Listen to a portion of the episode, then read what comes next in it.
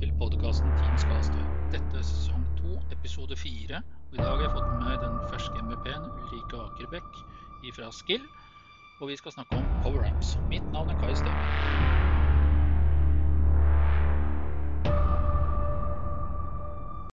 Velkommen Ulrikke, hyggelig å se deg igjen, og gratulerer med fersk MEP-tittel.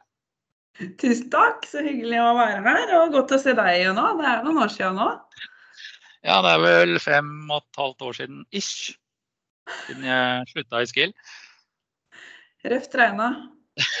Røft regna, ja. Uh, Temaet i dag er jo dette som uh, jeg har sett at du har uh, blogga en del om, snakka en del om osv. Uh, rundt powerapps og portals og den biten. Uh, du kan jo fortelle litt om din bakgrunn uh, osv., så videre, sånn at vi har noe å gå ut ifra. Sånn at lytterne da, skjønner hva dette handler om. Ja, takk for det. Jeg begynte jo min reise på, i SharePoint-verden av alle ting. Da jeg begynner å jobbe etter fullendte studier, så er det litt tilfeldig hvor man havner. Og jeg havna på SharePoint intranett-avdelinga til Evry. Og jobba Flytta fort over til Skill, der jeg jobber nå. Og har jobba som SharePoint-konsulent med fokus på liksom, brukeropplevelse og branding i fem års tid.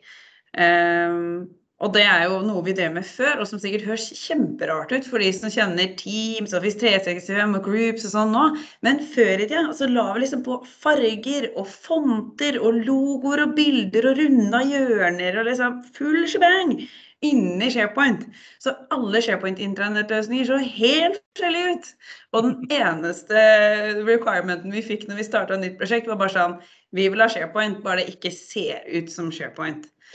Uh, og det var helt vilt. Og nå jobber vi jo, har vi jo ferdig med det, da, men det var noen år der hvor vi liksom måtte gå baklengs ut av den fuglekassa der og liksom fjerne all den brandinga. For når vi skulle opp i sky, så alt bare brøt sammen. Det var helt krise. Ja, ikke sant? Så det, ikke sant? Så det gjør vi ikke lenger. Og akkurat da SharePoint gikk i skya, så strupa Microsoft ned muligheten for branding. Og så dro jeg ut i mammaperm og liksom nappa ut pluggen et års tid. Og når jeg kom tilbake, så var alt helt nytt. Og jeg hadde egentlig ikke noe å drive med lenger. For det var jo ingen som drev med branding på SharePoint. Nei. Så hva skal jeg drive med da, da? Og da så jeg helt tilfeldig en announcement om at Microsoft hadde kjøpt et produkt som heter ADX Studio. Og som skulle være et portalverktøy eller portalprodukt på toppen av Dynamics tenkte jeg Dynamics høres jo artig ut. Vi har jo en hel avdeling som driver med det i Skill. Da sniker jeg meg vel over dit, da. Og det gjorde jeg. Og så har jeg jobba med det der eh, helt siden det. Og det er over fem år siden nå. Ja. Um, så jeg har jobba med portals, og det er jo det som vi kjenner som PowerApps portals i dag. Uh, og jeg har jobba med det fra liksom, Microsoft kjøpte det i desember. I januar så begynte jeg å jobbe med det, og i mai det året så solgte vi inn vårt første store prosjekt til Innovasjon Norge. Og det, den portalen den finnes fortsatt. Og nå jobber det 14 mennesker på fulltid med å erstatte den med en custom webapp. Så den portalen den har vært gjennom en reise, for å si det sånn. det er litt kult, da. 14 stykker, ja. Herlig. Ja, De har jobba et år nå, og de har fortsatt ikke klart å erstatte greiene. Så det er helt nydelig. Det er suksesshistorie i min bok. det er fjær i hatten. Ja, det er litt men, stilig. men i forhold til powerapps, jeg har jo prøvd å forstå det der powerapps-begrepet. Uh, og det er jo relativt vid informasjon, for å si det pent. Og jeg må jo si jeg er helt grønn. Jeg kommer nok aldri til å bli en utvikler, for det er ikke sånn jeg er skrudd sammen. Men uh, kan du fortelle litt om powerapps uh, sånn generelt, liksom? På et overordna nivå, et, uh, sånn at flesteparten skjønner litt av greia? Mm, absolutt. Og det, er, det, er, jo gode nyheter til deg, da, for det er jo for deg det er laga. Det er for at du som føler deg som en sånn ikke-utvikler, skal kunne lage de verktøyene du trenger, de appene du trenger i hverdagen uten å kode. Så det Microsoft så, var det at fremover i verden så er det altså et så sug etter utviklere. Og vi kommer ikke til å klare å utdanne nok utviklere i verden til å dekke det gapet og det behovet etter applikasjoner, særlig businessapplikasjoner. Så Microsoft lagde på plattformen, som er da på en måte hva skal jeg si, plattformskipet som PowerApps ligger i, for å dekke noe av det gapet og gjøre det tilgjengelig for sånne som deg, da, og til en Mm. viss grad meg, som er sånn, sånn skaperutvikler. Um, for at vi skulle kunne komme oss en bit på veien uten de utviklerne. Sånn Mm. at når du trenger en hyttebookingsapp liksom, for, for avdelinga di i selskapet ditt, så skal du kunne gå inn og lage deg en liste og sette opp noen kolonner og noen rader og noen greier, og koble det sammen med de Office 365-brukerne, og så koble det sammen med en liste med hytter. Og så skal du klare å me- mekke til et system sjøl som gjør det mulig for ansatte å booke hytter i et visst system og få det opp i en kalender uten å involvere utviklerne sant, på IT. Ja. For de driver jo med helt andre ting. Ikke sant? Så det, ikke sant, det er den derre empower everyone til å klare å skape seg de verktøyene man trenger selv. Ja. Så er jo Power-plattformen eh, veldig stor. Eh, Og så inkluderer jo den også det som heter Dynamics 365 og de Ja. business. ikke sant? Og da begynner folk å bli forvirra. Ja, men det har jo funnes lenge. Det heter jo CRM før. Og så ligger det nå plutselig inni på plattformen. Det er rart. Og det er det. Det er kjemperart, men det er sånn det er. Ja. Så når du er vant til å jobbe med sales eller customer service eller marketing, så er jo det i essens en Mm. model-driven power-app i på-plattformen. Ja. Ikke sant? Og nå, da går alle i spinn. Da har du liksom mista halvparten av publikum, for da er liksom Nei, da Yes. Men det er eh, med Power-plattformen så har man jo mulighet til å så komme til det datasettet man ikke kunne før. Så sales og customer service og marketing, de lager liksom, Du lager eh, records, kontakter, arrangementer, accounts. Mm. Alt det du lager, og alle de tingene du oppretter, de lagres jo i en database i bunn som heter Dataverse. Så det er jo Mm. din? Akkurat som en, en, en SharePoint, et sett med SharePoint-lister eller andre lister. Databaser, relasjonsdatabaser i bunn. Ja. Og før så fantes det jo bare disse her sales og customer service på toppen. Men nå har Microsoft åpna for at hvis du trenger en app som kombinerer liksom ett skjema fra sales, ett skjema fra, fra marketing, så kan du opprette en ny model-driven app som bare inneholder de tingene du trenger, og som fortsatt jobber med de samme dataene i bunn. Mm. Så så de at jo, men model-driven apps, det er ganske heftig. Hva med en mobilapp? Ja vel, da lagde de Power Apps Canvas Apps, som er på en måte den mobilapp-grensesnittet vi kjenner, sant? Den derre Ja. enkle greiene du har på mobilen. Og så så de, ja, men hva med eksterne folk, da? Hva med kundeservice? Eh, sakshåndtering mot kunder? Ja, men det er Mm. Power Apps Portals. Mm. Sånn at hvis man begynner litt sånn baklengs i forhold til hva vi som er sånn IT-mennesker, begynner jo alltid med duppeditten først, ikke sant? Åh, Ja, ja. dritfet ny funksjonalitet! Hva kan vi gjøre med den? og så liksom snur litt på den flisa. liksom, ok, for snakka Jeg akkurat med en kollega om det i lunsjen nå. Liksom. Kan ikke du bare forklare meg det greia? Hva er til hva? Hva er til hvem? Jo, men begynn med brukeren. Hvem skal gjøre hva med hvilken Ja. data? Jo, jeg skal ha en kunde som skal jobbe med saker. Ja, flott, men da må du ha en portal, fordi det er Mm. public facing. Ja. Ja, men jeg har en ansatt som skal booke seg en hytte. Ja, men det kan være en Canvas-app. Det er en engangsgreie. Du gjør det en gang i året to, kanskje. Ja, en enkel Power eh, Apps Canvas-app som håndterer det. Så ja, men hun som skal sitte og håndtere all den bookinga, det var jo wow, det blir mye greier, liksom. Jo, model-driven app. Fin for å få oversikt, filtrere, sortere, søke. Ikke sant? Få oversikt og holde styr på dette. Mm. Det er en måte å se det på. Det er jo kjempekult. Eh, og så hvis vi snur og vrenger litt på den flisa, da. eh, Nå skal, kommer det jo en uh, podkast om en eh, stund eh, hvor jeg skal ha med den Thomas Sandsør, som du kjenner. eh, hvor vi skal snakke om eh, Dynamics eh, på et generelt grunnlag. Så da kommer jeg nok til å flette Han kommer nok til å få kjørt seg litt med powerapps da, ja. Yes! Det får du presse hardt. Da skal jeg si at jeg har vært på kurs hos Ulrikke, så dette kan jeg alt om. Ja, gjør det! Nei, det er veldig stilig. Men, men Thomas han har holdt appen a day, og det har jeg også gjort. Og den inkluderer jo hele Plow-plattform, så han har veldig godt påskrudd. Så det kommer til å håndtere så bra, heldigvis. Men spør om SharePoint-ting, da kan du sette den fast. Det er litt gøy. Jeg har akkurat fått den til å bruke OneNote. Mm, ikke sant? Men eh, hvis vi snur litt på flisa da, og ser dette i sammenheng Nå er det jo veldig populært med apper også inni denne Teams-plattformen. da. Mm. Hvordan er knytningene der liksom, i forhold til powerapps? Kan du utvikle små egne, kall det bedriftsinterne apper, da, hvis du kan bruke et sånt uh, Mm. da, for å knytte de dataene inn. Ta f.eks. sånn hyttebooking, da, at man har f.eks. en uh, app inne i Teams og laster den opp på din company portal inne i Teams f.eks. Hvordan er Det er helt perfekt scenario. Helt perfekt. For det er det det handler om. Det er å kunne og, og nå er det jo også motsatt. Nå får vi også Teams inn i Dynamics og inn i, i portal, på, på, på plattformsiden.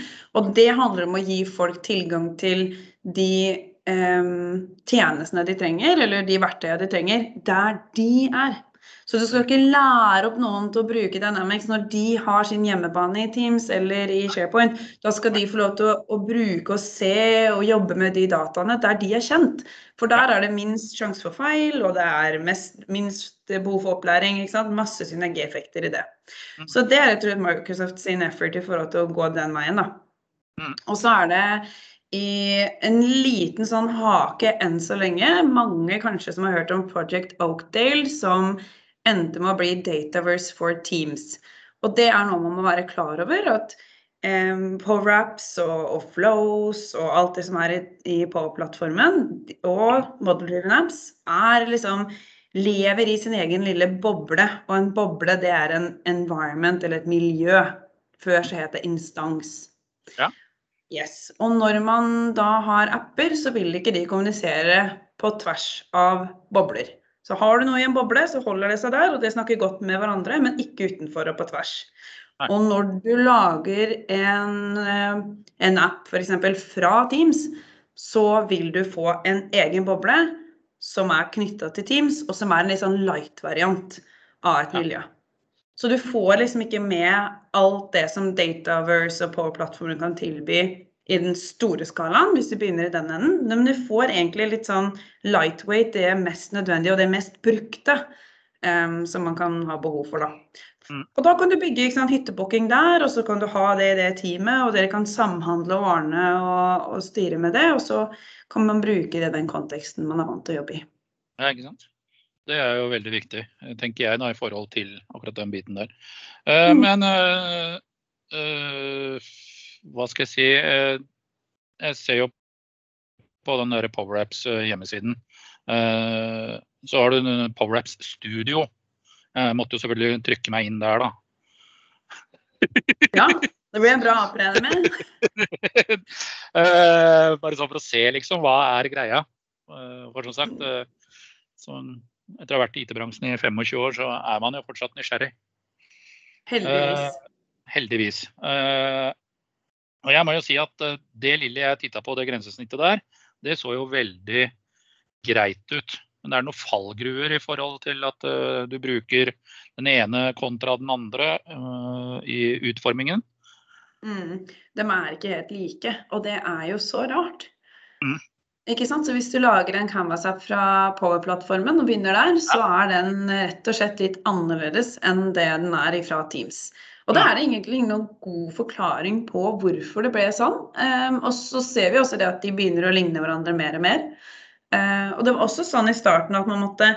Det er jo low code og no code. ikke sant? Og så viste det seg at for å få på en måte, den power-appen inn i Teams, så måtte du laste ned manifestdokument og det og sånn. Sånn er det heldigvis ikke lenger. Nå har du fått en knapp på liksom add to team. Så det er jo helt suverent. Den kommer vel i sommer eller noe. Så, så heldigvis litt enklere sånn sett. Men de jobber stadig med å utvikle dette her. Og alle vi som har jobba i denne bransjen her en stund, ser jo det at det på et eller annet tidspunkt må bli merga sammen. ikke sant? Og at man får flere nytteeffekter ved at dette er samme. Ja. Eh, men tanken er at det skal føles som en eh, powerpoint.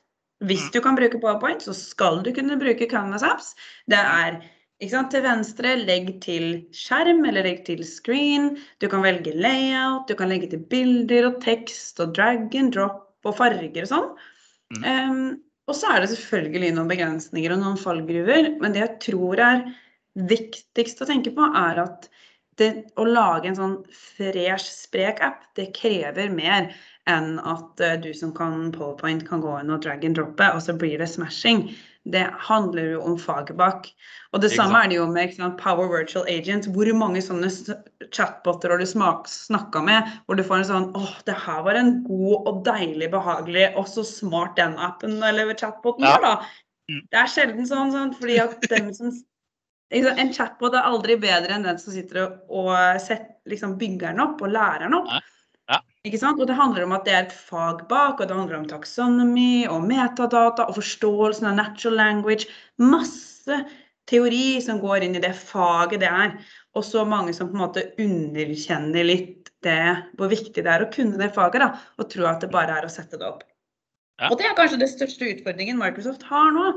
er at yes, de gjør verktøyet tilgjengelig for Vensen, men hva med faget bak? Ja. Jeg har jobba med brukeropplevelse hele mitt eh, altså siden jeg begynte på skolen, liksom. Pappa mm. jobba jo i Telenor da jeg var liten. ikke sant? Jeg hadde min første webside da jeg var 14 år eller noe sånt. Det var riktignok ikke så bra brukeropplevelse på den. Men jeg har skrevet HTML liksom siden eh, før 2000 smalt, sant. Ja, ja. Det, ja, og det er og det å jobbe med brukeropplevelse og skape en app som er god å bruke, intuitiv, hvor du forstår hva du skal gjøre Det er mulig å lage en booking, hyttebookingsapp som ingen forstår noe av. Prøv, så skal du se hvor lett det er, ikke sant? Så, så liksom, ja, gi verktøy til folka, men det er ikke dermed sagt at de klarer å slå den spikeren rett inn. Den blir sikkert litt skjev og litt rar, og så skal de prøve å rette det opp, så, ikke sant? Ja. ja. Det er noe med at snekkeren bør bygge fundamentet i, på huset ditt, og at eh, liksom kanskje en frontend-utvikler eller noen med litt forståelse og brukeropplevelse bør være med deg inn i tanken på hvordan du skal bygge opp appen for at den skal bli god å bruke etterpå. Ikke sant. Og det var jo litt interessant det du sa om botter, da. Eh, jeg vet ikke om du leste den eh, eller så den videoen til han Hans Petter Nygaard Hansen. Han hadde en historie med en sånn chatbot og en Mac som skulle på service. Å nei, den har jeg ikke hørt! Å, har jeg gått glipp av noe så morsomt? Det høres jo helt episk ut! jeg tror han endte opp i to timer eller noe sånt. Det er fram og tilbake med den chatboten. Opp og ned i mente. Nydelig. Oi, oi, oi, så gøy. Ja, det beste er jo de som har humor, ikke sant? hvor du kan drive og sette fast botten og å fortelle vitser. og liksom sånn, ja, ja. ja Nydelig. Herlig. Og til slutt så fikk han beskjed om å kontakte butikken da, og dra ned til butikken. Det var siste alternativet. Da hadde det gått i, da hadde den holdt på i over to timer. Oi, oi, oi. oi. Nei, det er helt nydelig. Og det er også sånn som det blir litt nå. da, ikke sant? Vi har mm. kunder som ønsker sånn, nei, nå vil vi ikke ha inn saker på e-post lenger. Nå skal det bare være gjennom et skjema på web. Eller som du sier, ikke sant? de skal ta bort eh, telefonnummeret fra nettsidene og få folk til å snakke med den chatboten isteden. Og rådet er jo liksom yes, absolutt. liksom Legg den chatboten first and center hvis du mener at den er god nok, men du må for guds skyld ikke ta bort den muligheten for folk å ringe deg når de trenger det. Og vi ser jo i markedet, sant? og det vet du og jeg, vi følger jo med, vi ser jo at brukeropplevelse, kundeservice Hvis du ikke får til det fremover nå, da kan du bare gi opp. Altså. Det er Helt enig. Absolutt alt fremover alle sånne chatboter som popper opp. Er det noe jeg kan hjelpe deg med? Uh, nei. det viktigste med den er at den kryssknappen er tydelig og stor nok til at du treffer den uten ja. å treffe noe annet. Det er jeg helt enig i. den, den, må, være stor, for da blir det lettere å komme igjennom i forhold til uh, Ja, den kan sikkert svare på en del ting. Uh, sånne banale ting. har brukt de selv men ser da ofte at nei, faktisk her må jeg ringe og snakke med noen. Det uh, er ikke så ofte jeg kontakter brukerstøtte rundt omkring. Normalt så pleier jeg å dypdykke selv uh, i alt av sånt. Jeg er jo litt mer enn middels teknisk interessert, for å si det. ikke sant. Og det blir jo flere og flere av oss. Da, sant? Det blir flere og flere ja. teknologer, og vi er mer og mer vant til å utforske. Nå har vi akkurat bestilt oss ny bil, og når vi kommer ut til selgeren i sommer, sånn ja, en av de, en av de nye 40 nye familiesuvende elbilene som kommer på markedet nå, så er det plutselig noen selgere som har måttet finne ut av det her elbilgreiene. Og vi kommer dit, og vi har kjørt elbil i ni år ikke sant? og kommer inn i butikken og liksom Å jaså, ja. Og så begynner de å pete og gøre og ordne rundt, og de står der og blir liksom mer og mer hvite i trynet og mer og mer svette i ryggen. fordi at de er egentlig litt begrensa med folk, og det er sommerferie, og sjefen flynger rundt der og lager bråk. Og han har ikke rukket å sette seg inn i den nye bilen ennå. Ikke sant? Og det, og det er litt sånn at vi, vi vil dykke ned, og vi vil lære oss, og vi vil lese og finne ut av ting sjøl. Og så har du de som ønsker å snakke med noen. Som vil ta opp telefonen og ringe, og som vil ha svar på det. Og så er det de som ønsker å sende inn det skjemaet, og ikke ønsker å skape så mye bry. Og så er det noen som ønsker å sende inn en mail. Men poenget må være å skape kanaler sånn at alle blir tilfredsstilt. Sånn at både du og han og jeg får den kundeservicen vi ønsker oss til den kanalen de vil. Så prøve å treffe de eh, unge fremadstormene med mer sånn Facebook Messenger, liksom. Du kan jo bare glemme. Da får du en Snapchat-kanal, da. Ja. Vi må treffe folket der de er, og den gamle ting og tankegangen med liksom telefon og mail er Unge folka snakker med kundeservice på Snapchat, liksom. Fine. Da må du faktisk tilpasse deg markedet og det som skjer der ute, for å treffe det publikummet. Og vi som jobber mye med kommuner, da, sant. En kommune, ah, hvem er målgruppa til en kommune? Og det er jo alle. Ja, Ja, fint, men da må du også treffe alle. Du har Ja. ikke noe alternativ på det. Nei. Og så, som du sier også, noe av det som er viktig, er at du har sporbarheten bakover. ikke sant? Og har de dataene lett tilgjengelig. Uh, verste av det hele er når du ringer f.eks. et kundeservice, og så har du snakka med noen kanskje to dager tidligere, og så ringer du tilbake, og så er det ingen som aner hva du har snakka med, så får du dra hele storyen på nytt. Yep. Og så, og så sitter du der. Eh, en av de faktisk, Nå skal jeg trekke fram en kundeservice som faktisk er helt eminent, og det er eh, Altibox sin Facebook Messenger-chat. Den er helt vidunderlig. Den er bra. Det er fjær i hatten. Fjær i hatten svarer døgnet rundt. Åh, nydelig. Den er helt suveren. Mm. Og så legger de da også humor ut på Facebook-sida si hvis det er noe galt. Så gøy! Og det er jo sånn det skal være. Litt sånn lettbeint og ålreit. Ja. Og vi hadde litt sånn god, apropos god kundeservice, vi dro jo på norgesferie i fjor sommer og dro liksom på Vestlandet. Og da er det sånn VM i ferje. Mm. Um, og der er det også veldig forskjellig. Og det var liksom et par tilfeller hvor vi kjørte opp, vi satt jo ikke sant, og booka billetter på veien, og hvor skal vi og sånn. Mm. Og så kom vi inn og sånn, hei Henrikke, er bra stemning i bilen. Og jeg sånn, what? Ja, hadde jo den der, jo, men da hadde de jo lest bilskiltet på veien. Så når jeg kom fram til luka, så poppa det opp på datasystemet hennes. Lykke Akebekk med mann og to barn og masse bagasje, liksom. Skal sånn. Det var ikke noe spørsmål om noen ting. Da. liksom, ha en fin tur er jo helt priceless. Og de andre var liksom sånn opp og ned, og har du det nummeret, og ikke sant, du vet hvordan det der funker. Ja. Så, og så enkelt da i gåsehudene, bør det jo være. Så enkelt bør det være. Og når du bestiller deg en ny Unnskyld. Ja. Og da med riktige apper i bakgrunnen, ikke sant, så løser vi jo hele problemet. Ja, det er akkurat det, da. ikke sant? Så systemet bak må funke. Og du kan ikke treffe alle på alle kanaler hvis du Nei. ikke har alt det på e ett sted, backend. For det funker ikke. Så du må ha et system som tillater deg at du sitter i ett stille og rolig miljø og jobber, og så er det liksom, spres det ut i de riktige kanalene som du skal treffe Ja. på. Um, og der ligger jo hele nøkkelen i, Mm. som du sier, en sånn lettbeint og hyggelig kundeservice. Det er jo når de har det bra på jobb at eh, det der funker best. Du som eh, driver da med dette portalgreiene og power-apps og sånt. eh, hvorfor skal man drive med denne egenutviklingen eh, som er såkalt no code? Hvis vi kan bruke det ordet, eller low code. Mm. Hvorfor skal man gjøre det kon kon kontra å ha masse frontend-utviklere og UX-folk og i det hele tatt? Hva Mm. er egentlig forskjellen? Hvorfor? Yes, veldig godt spørsmål. Jeg syns kanskje at den eh, klyngeportalen som jeg nevnte i stad, er et godt eksempel på hvorfor man skal gjøre det. Fordi så mange apper og så mange milliarder timer og kroner er lagt ned på å lage apper som ingen bruker. Ja. Fordi vi tester ikke, og vi pukker Altså proof of concept, ikke sant. Det å lage en lettbeint app, Mm. og så ta i bruk den og se i sin minste form. Minimal viable product. Funker denne hyttebookinga? Var det noen som brukte den? Syns de det var enkelt?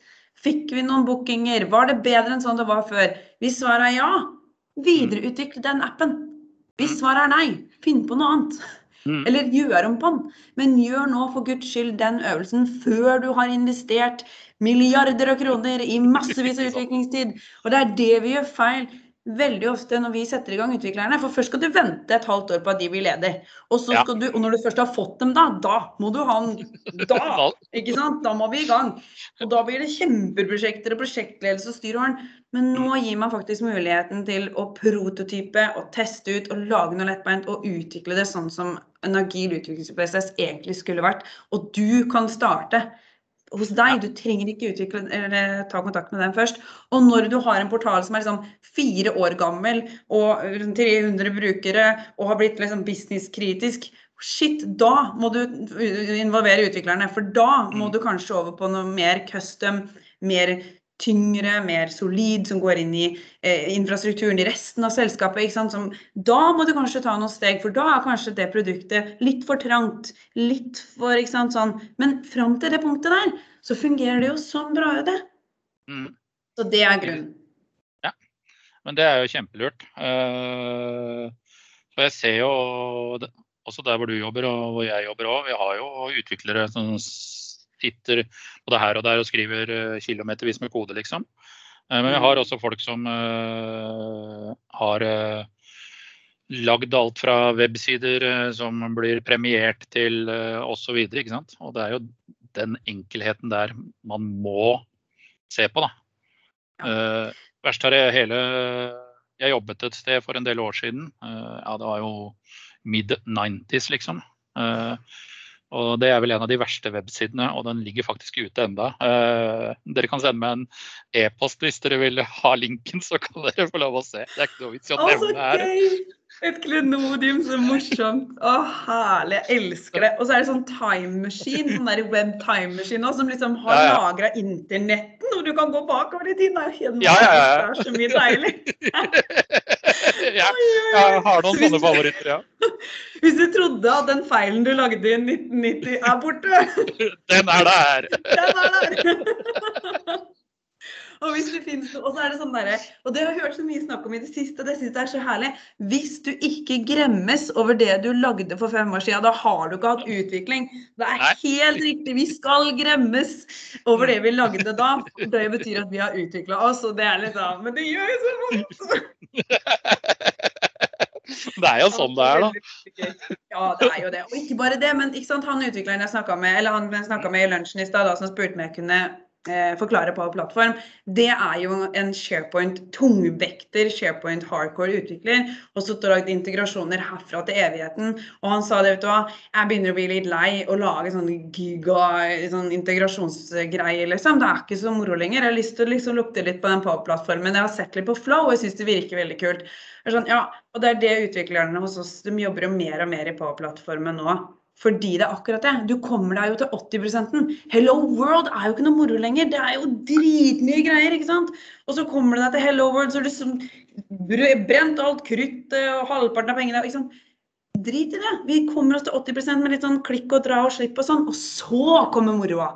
Da kommer utfordringene og det som er gøy og vanskelig, og alle nøttene og motstand. Og det er jo det vi syns er gøy. Vi er jo problemløsere tross alt, vi som er utviklere, ikke sant? Selvfølgelig. Det er der moroa ligger, og det er derfor det her tar av nå. Mm. Og når vi var på ikke sant, bare en liten å skyte inn litt sånn reklame Vi har jo et hackathon som går en gang i året i februar, som heter Arctic Cloud Developer Challenge. Um, og det er jo bare tre dager med leking. Det er ikke så lett å ha tid til å sette seg ned i dette her ikke sant? I, i, i hverdagen når prosjektene løper og kunden vil ha svar med to streker under og sånn. Når får du utforska og lekt med de tinga her? Og det er jo der, sant. Når man har liksom tre dager til å leke og kose seg.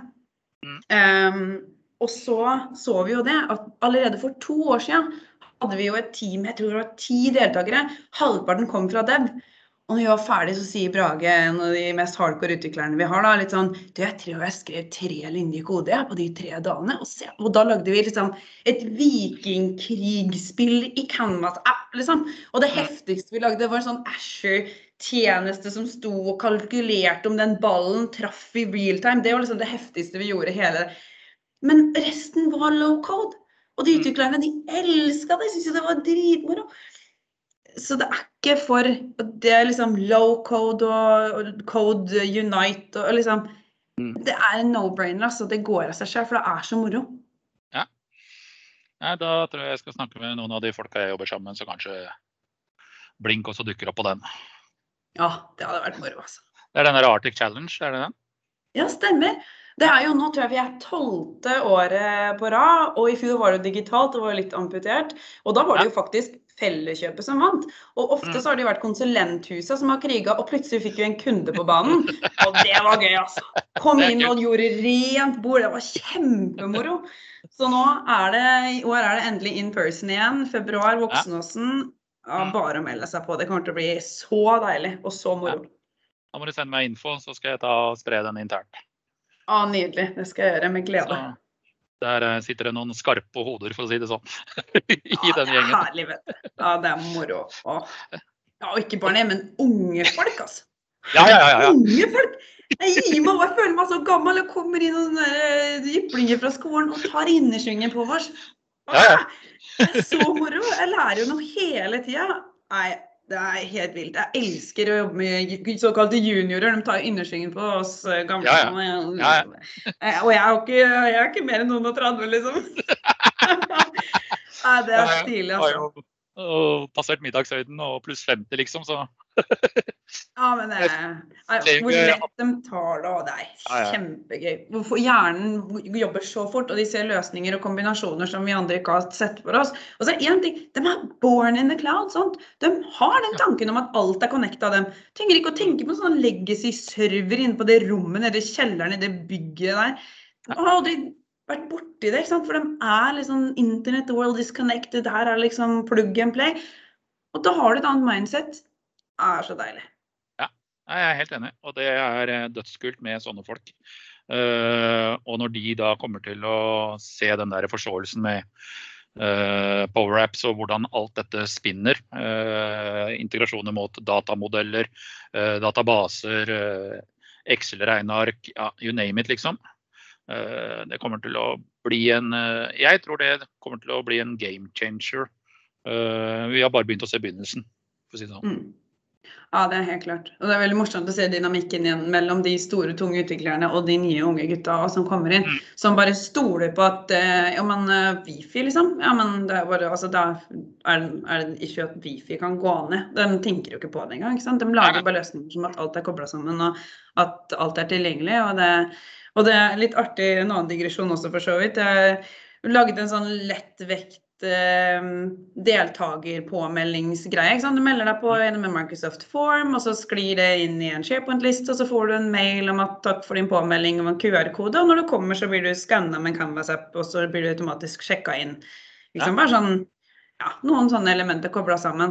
Og så plutselig så, og da hadde jeg det på et par foredrag og noen bloggposter, så plutselig ringte det en kunde litt sånn Du, kan du sette opp det for oss? Og så måtte jeg si sånn, ja men kjære deg, det bygde vi jo for dere for fem år siden.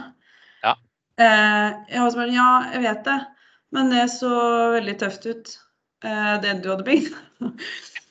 så nå er vi faktisk i prosess, og da sa han igjen utvikleren hvis du får den kunden til å kjøpe det der to ganger, altså da får jeg champagne. Men det er noe med men ikke sant, det, og, og den, den, løsningen fungerer kjempefint, den sånn som han er i dag. Men det er komponenter som er fem år gamle. Og det er litt rusk i maskineriet. Og når de ser muligheten med Power-plattform, at det, oh ja, da kan de jo bare Og da er det plutselig lett å koble på de tinga som var nesten umulig å få til for fem år. Og da ser de endelig at det åpner opp det mulighetsbildet som de måtte begrense for fem år siden. Det er åpent nå. Og da vil de gå den veien. Og det er kjempegøy. Det er dødskult. Og dette med, spesielt med QR-koder og alt det der, det ble jo relativt aktuelt uh, når vi tok steget mars i fjor inn i denne berømmelige pandemien. og Alt skulle registreres og spores og i det hele tatt. Jeg har ikke tall på hvor mye QR-koder og sjafs jeg har skanna. Altså. Nei, det kan du si. Også så morsomt å se hvor fort IT-Norge kunne snu seg rundt og lage de tinga vi trengte for at det her skulle gå. Eh, og det gikk veldig bra, men fortsatt blir jeg like forbanna når jeg skal bestille meg koronatest og jeg må fortelle om de samme tinga hver gang, og at den ja. Eh, personlige informasjonen ikke er lagra et sted. Og det handler jo ikke om IT. Det handler jo om data ikke sant? og personvern og alle de tinga der. Og den sikkerheten og tryggheten rundt vår data. Og hva mm. ligger egentlig i den QR-koden, og hva ligger i den registreringa du gjør.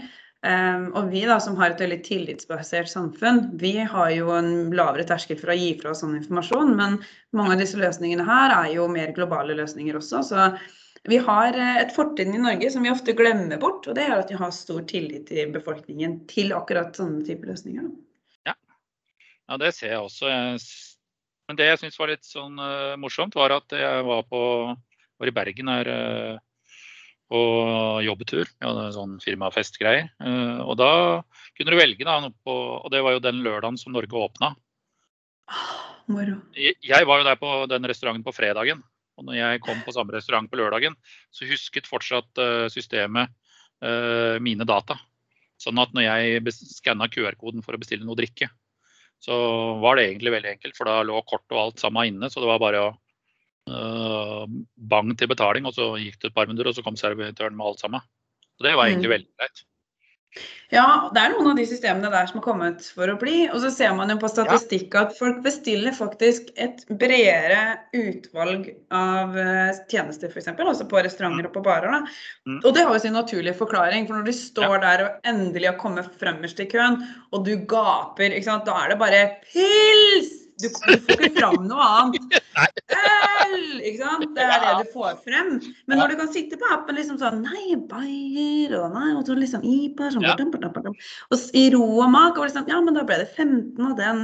Og så liksom shot til bordet. ikke sant? Det blir et helt annet utvalg, og du får en annen oversikt. Så det er jo helt prima, og det håper jeg faktisk kan forbli. Mm, det håper jeg òg.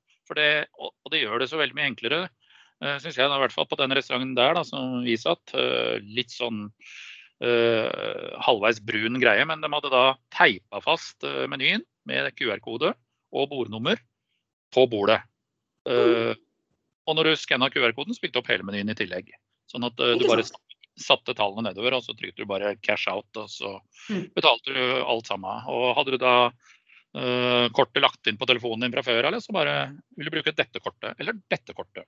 Avhengig av selvfølgelig man, eh, hvor mange kort man eventuelt har lagt inn. Og Da bare valgte jeg det ene, og da bare ble det autentifisert med en gang og slapp å tenke. Ja, Det er jo helt nydelig. Og det beste jeg så, var vel et eller annet sted i Fredrikstad eller det var i Oslo her for uh, noen uker siden. Og så var det sånn Vil du bestille det samme igjen? Og så var det bare en knapp å trykke på, og så bare repeterte den den ordren. Det ble Ja. Det ble flittig brukt. Det var et sjakktrekk, for å si det sånn. Da du, og, og da har du skjønt greia. Ja, akkurat det du har! Det er det som er så fint. Og det er, og det er sånne ting som det som gjør også, Men så klart for dem som jobber der, da når vi var på Det var jo rett etter sommeren og vi var på en stor restaurant i Oslo liksom, hvor vi måtte gå og hente deg drikka di. Så du bestiller i appen, så får du beskjed i appen at nå er drikka di klar, så skal du gå til et pick-up point. Og da fikk man jo på en måte ikke bukt med problemet, for der ble det jo flaskehals. Og hvem står først og venter på sin drikke, og hvem har bestilt først, og det kaoset der. Så på en måte det er visse ting som man fortsatt må jobbe med. Og så spurte jeg han bak eh, disken der et rolig øyeblikk, liksom. Syns du det her er bedre enn sånn det var før? Nei, for guds skyld, liksom! Åh, jeg vil Ikke sant? Fordi det er helt umenneskelig for dem, og du får bare tyn, for det er ingen som er fornøyde. Så det er mer den derre, som du sier, eh, bestill til bordet, så kommer vi til deg. Den personlige servicen, um, få ut de drikkene. Og de bak systemet har kontrollen. Da funker det. Men og liksom, og, altså skal det være koronavennlig, da, så skal alle sitte på hvert sitt bord og bestille, og så må alle sammen gå til det samme punktet og stå tett i tett i kø for å hente den ølen, liksom. Bare sånn, hallo. Ja. Nei da, så brukeropplevelse og, og de tinga der. Teste ut ting på forhånd og liksom være litt sånn i det faget der, da. Selv om det er tilgjengelig for Vemsen, så er det noe med å ha de tinga der i bakhodet. At det er et eget fagfelt. Ja, du kan lage deg en app, men om den blir bra, det er ikke sikkert. Nei, det er jeg helt enig. Jeg tenker det er en fin sånn wrap-up på denne podkasten. Da håper jeg at eh, publikum har lært en del. Eh, og ikke vær redd for å hoppe ut i verden eh, med minimal kode. Og kjempefint, Ulrikke. Tusen, tusen takk.